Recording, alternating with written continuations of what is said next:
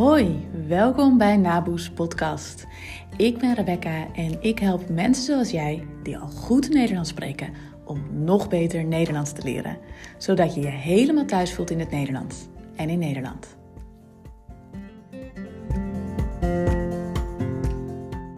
Hey, hallo, wat leuk dat je weer luistert naar een nieuwe aflevering van mijn podcast. Dit is de tiende aflevering. En uh, het leek me wel toepasselijk om daarin te vertellen over de dingen die ik leerde in de tien jaar dat ik nu docent Nederlands als tweede taal ben. En uh, tegelijkertijd wil ik ook even zeggen dat ik ontzettend blij ben met deze tiende aflevering. Want als je mijn allereerste aflevering hebt gehoord, dan weet je dat het starten van een podcast mijn goede voornemen was.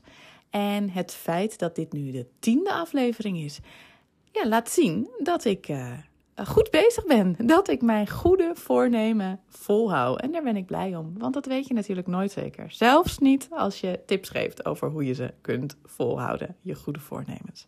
Maar ik ben blij dat het me tot nu toe in ieder geval gelukt is om dit goede voornemen vol te houden. Dat is trouwens ook mede dankzij jou, dankzij jou als luisteraar. Want uh, ik krijg leuke reacties op deze podcast. En dat geeft mij motivatie om hiermee door te gaan. Weten dat het nuttig is. Weten dat het je iets oplevert. Iets voor mij een belangrijke motivatie om door te blijven gaan. Dus dank je wel als je luistert, sowieso. En ook dank je wel als je ooit eens de moeite hebt genomen om te zeggen dat je uh, blij bent met deze podcast. Dat doet me heel veel. Dank je wel. Maar dan naar het onderwerp van, uh, van vandaag. Ja, ik uh, had een jubileum vorig jaar, niet vorig jaar, vorige maand in februari. Februari 2023. Toen was ik namelijk 10 jaar docent. Ja, in 2013 gaf ik mijn allereerste les in Nederlands als tweede taal aan complete beginners.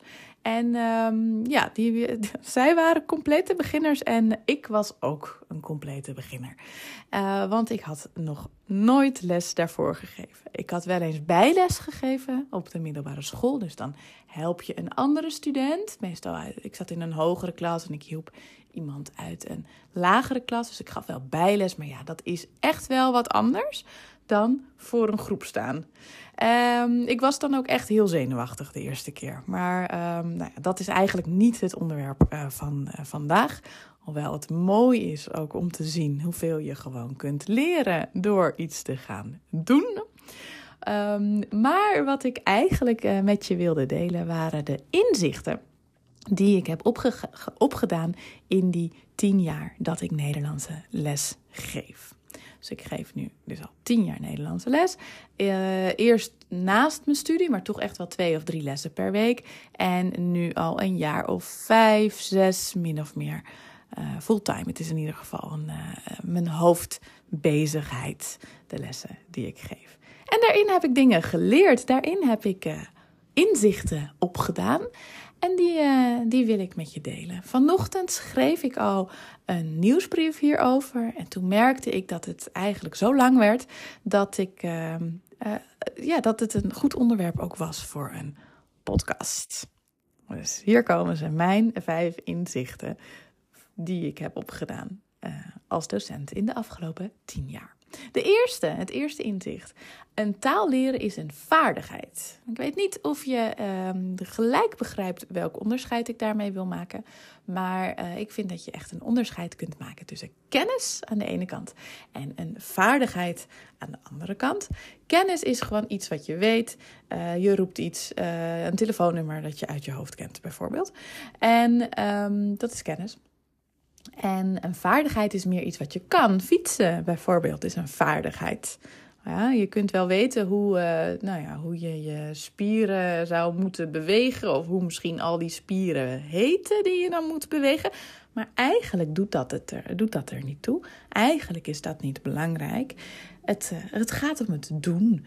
Je gaat uh, bewegen en dan is het een vaardigheid. Dus dat is een verschil. Kennis aan de ene kant, vaardigheid aan de andere kant. Uh, dus een telefoonnummer uit je hoofd kennen aan de ene kant en um, fietsen aan de andere kant. telefoonnummer is de kennis, fietsen is meer de vaardigheid. En ja, uh, ik zelf ook in het begin, maar ehm, ik merk het bij heel veel mensen uh, dat ze het Nederlands leren vooral zien als kennis. En dat mensen ook focussen op die kennis, bijvoorbeeld op de woorden of op de grammatica, op de details van bepaalde regels. Maar die kennis alleen is echt niet uh, genoeg. Het gaat erom dat je die kennis in de praktijk kunt brengen. Natuurlijk is kennis wel nuttig. Um, ja, het is wel handig om woorden te kennen. Maar uh, ja, het gaat er uiteindelijk vooral om dat je ze kunt gebruiken, die woorden. En een regel kunnen uitleggen. Bij grammatica zie je het nog veel duidelijker. Een regel helemaal perfect kunnen uitleggen betekent niet dat je ook die regel goed kunt toepassen. Dat je zinnen ook goed zijn. Dus voor mij, en dat um, werd me steeds duidelijker, is een taal leren niet een kwestie van kennis, maar een vaardigheid. Iets wat je moet oefenen en waar je dus ook wel fouten bij maakt. Ik vergelijk uh, een taal leren ook best wel graag met autorijden. Ik heb daar ook ooit een blog over geschreven, staat op mijn website ergens. Um, maar uh, ja, dat, dat is nog steeds denk ik een heel goede vergelijking. Want als je auto leert rijden, is het ook niet genoeg om te weten waar het gas zit. Of om te weten waar de rem zit. Of om te weten hoe je moet schakelen van de 1 naar 2, naar 3, naar 4. Nee, je moet het gaan doen. En weten is niet genoeg. Die kennis is niet genoeg. Autorijden is ook een vaardigheid die je gewoon moet oefenen. En dat gaat niet in één keer goed. Uh, dat, en daar word je ook steeds beter in. Ook als je al goed bent, kun je er steeds beter en ontspannender in worden. Dat was inzicht 1. Een taal leren is een vaardigheid. Inzicht 2. Niet iedereen leert op dezelfde manier. Dit werd me al best wel snel duidelijk. Uh, echt wel in de, de eerste nou, de eerste, misschien niet de eerste paar lessen, maar wel de eerste paar cursussen die ik gaf. Uh, daar had ik toch al een uh, best groot aantal studenten waar ik dan les aan gaf. En ik zag gewoon gelijk grote verschillen. Uh, een bepaalde manier van uitleggen werkte heel goed bij sommige mensen en bij anderen juist veel minder. En ehm, dan was er de dag daarna misschien weer een bepaalde opdracht die de een heel goed deed en een ander veel minder goed. En eh, de dag daarna was het weer andersom, wat ehm, afhankelijk van de opdracht. En daar leerde ik dus al heel snel uit dat niet iedereen op dezelfde manier leert. Dat is ook uh, nou ja, op zich algemeen bekend. En als docent probeer je ook uh, rekening te houden met al die verschillende manieren van leren en om verschillende dingen aan bod te laten komen. Uh, maar wat voor jou als luisteraar misschien nuttig is, is om hier voor jezelf eens over na te denken.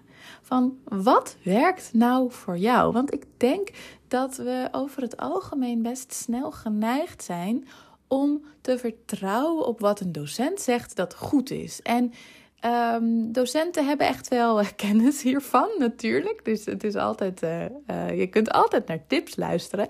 Maar uiteindelijk ken jij jezelf het beste. En weet jij het beste uit ervaring wat voor jou werkt en wat je fijn vindt. En dat is echt iets wat je, wat je mee mag nemen. En uh, kan dus ook zijn dat je een tip van mij of van een andere docent gewoon naast je neerlegt. Omdat je weet, nee voor mij werkt dit niet. Ik geef bijvoorbeeld graag het advies uh, om uh, liedjes te zingen, om mee te zingen met Nederlandstalige nummers. Is goed voor je uitspraak, voor het ritme, ook voor je woordenschat. En vind ik persoonlijk, het is gewoon super leuk. Ik doe dat zelf ook in talen die ik, uh, die ik wil leren. Um, maar ja, als jij dat echt niet vindt, als jij het echt verschrikkelijk vindt om te zingen, je hoeft voor mij niet goed te kunnen zingen. Uh, dus dat, dat maakt niet uit. Maar sommige mensen kunnen niet goed zingen of denken dat ze niet goed kunnen zingen. Maar vinden het ook vooral heel erg stom om te zingen. Ja, in dat geval um, is het waarschijnlijk beter om niet te gaan zingen. Want als je iets echt niet leuk vindt, dan werkt het waarschijnlijk ook niet voor jou. Dus denk daar uh, eens over na. Uh, wat werkt voor jou? Want echt waar, niet iedereen leert op dezelfde manier. Dus wat voor de ene persoon werkt, werkt niet per se voor de andere persoon ook. Daar nog een toevoeging bij. Het kan ook zijn dat dit verandert in de loop van je leven. Uh, niet omdat je hersenen per se helemaal anders worden, maar misschien omdat je leven verandert. Uh, omdat je drukker bent geworden of juist um, op een heel andere, uh, met hele andere dingen bezig bent. Dus het kan ook zijn dat hoe je nu het best leert anders is dan hoe je vroeger het best leerde, of een paar jaar geleden het best leerde.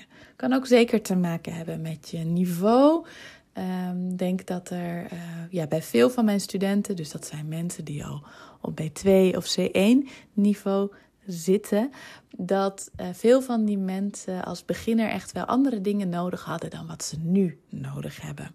Dus uh, als dit voor jou ook geldt, als dit iets is wat je herkent, probeer daar ook eens over na te denken. Want misschien ben je nog wat dingen aan het doen die, die een paar jaar geleden of een jaar geleden nog super goed voor je werkte, maar die nu gewoon niet meer zo goed voor je werken, omdat je, uh, omdat je nu een hoger niveau hebt, omdat het nu anders is. Als beginner leer je gewoon toch echt anders en zit je in een andere fase dan als uh, vergevorderde.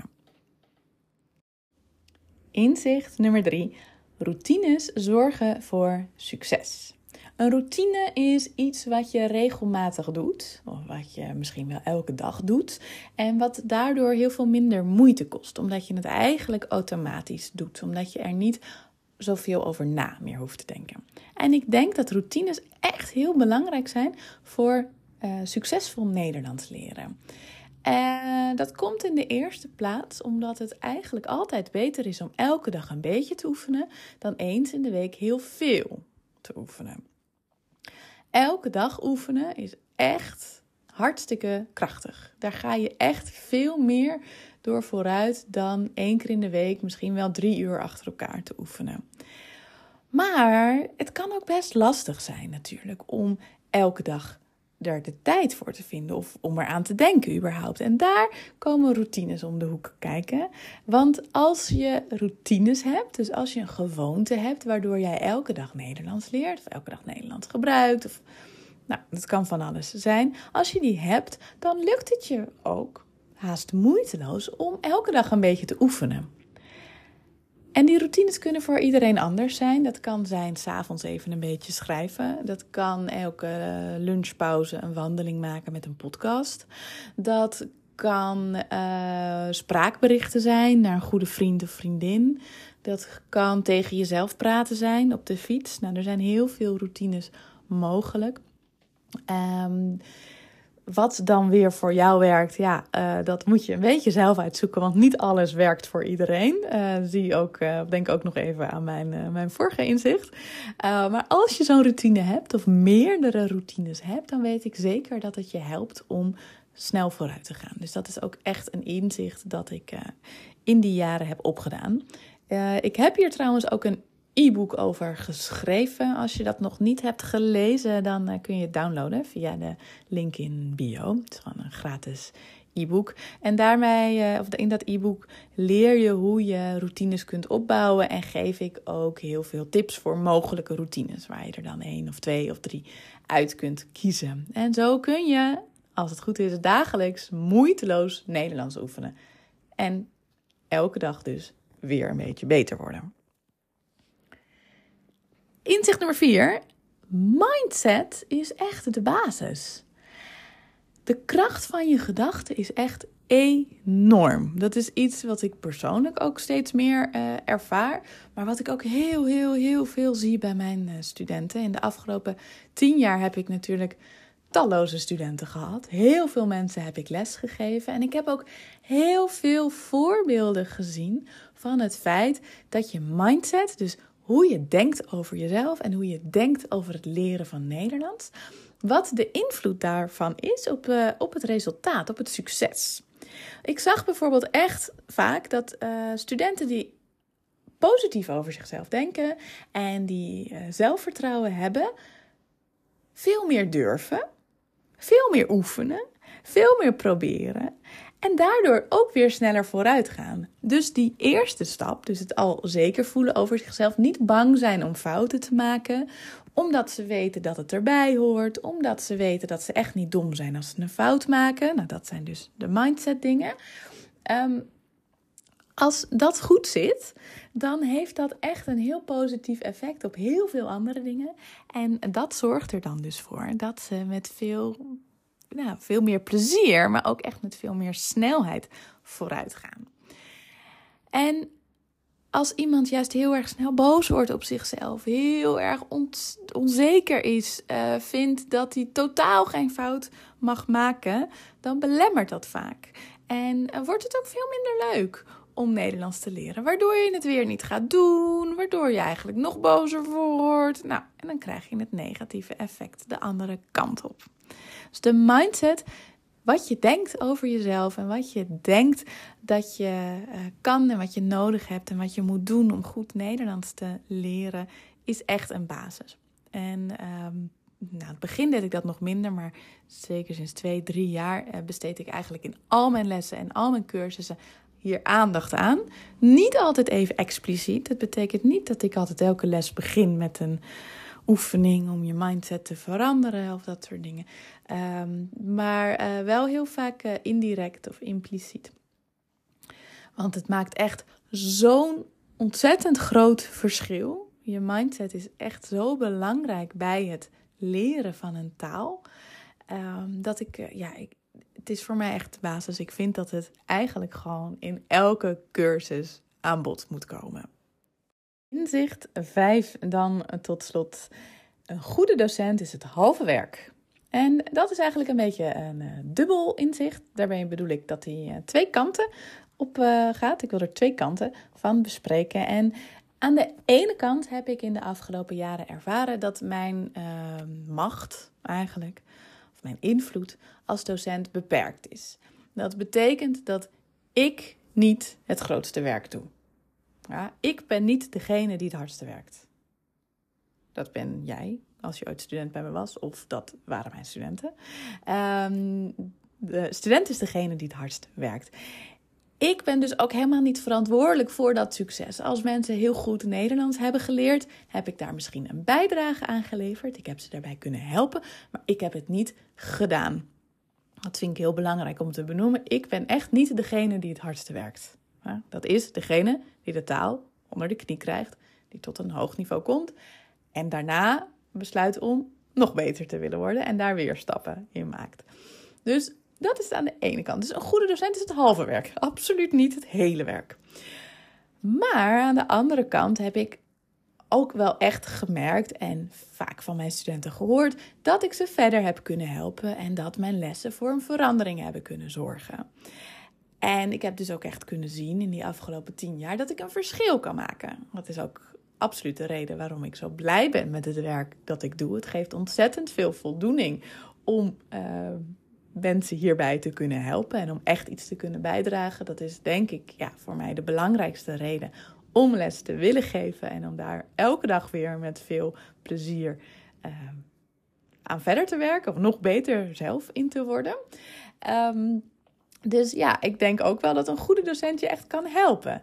Uh, dus dat het wel het halve werk is. Het is een goed begin. Net zoals een goed begin is het halve werk. Dus uh, een goede docent kan niet al het werk voor je doen, natuurlijk. Um, maar uh, kan wel je echt verder helpen. En um, dus die twee kanten zitten bij dit, dit inzicht.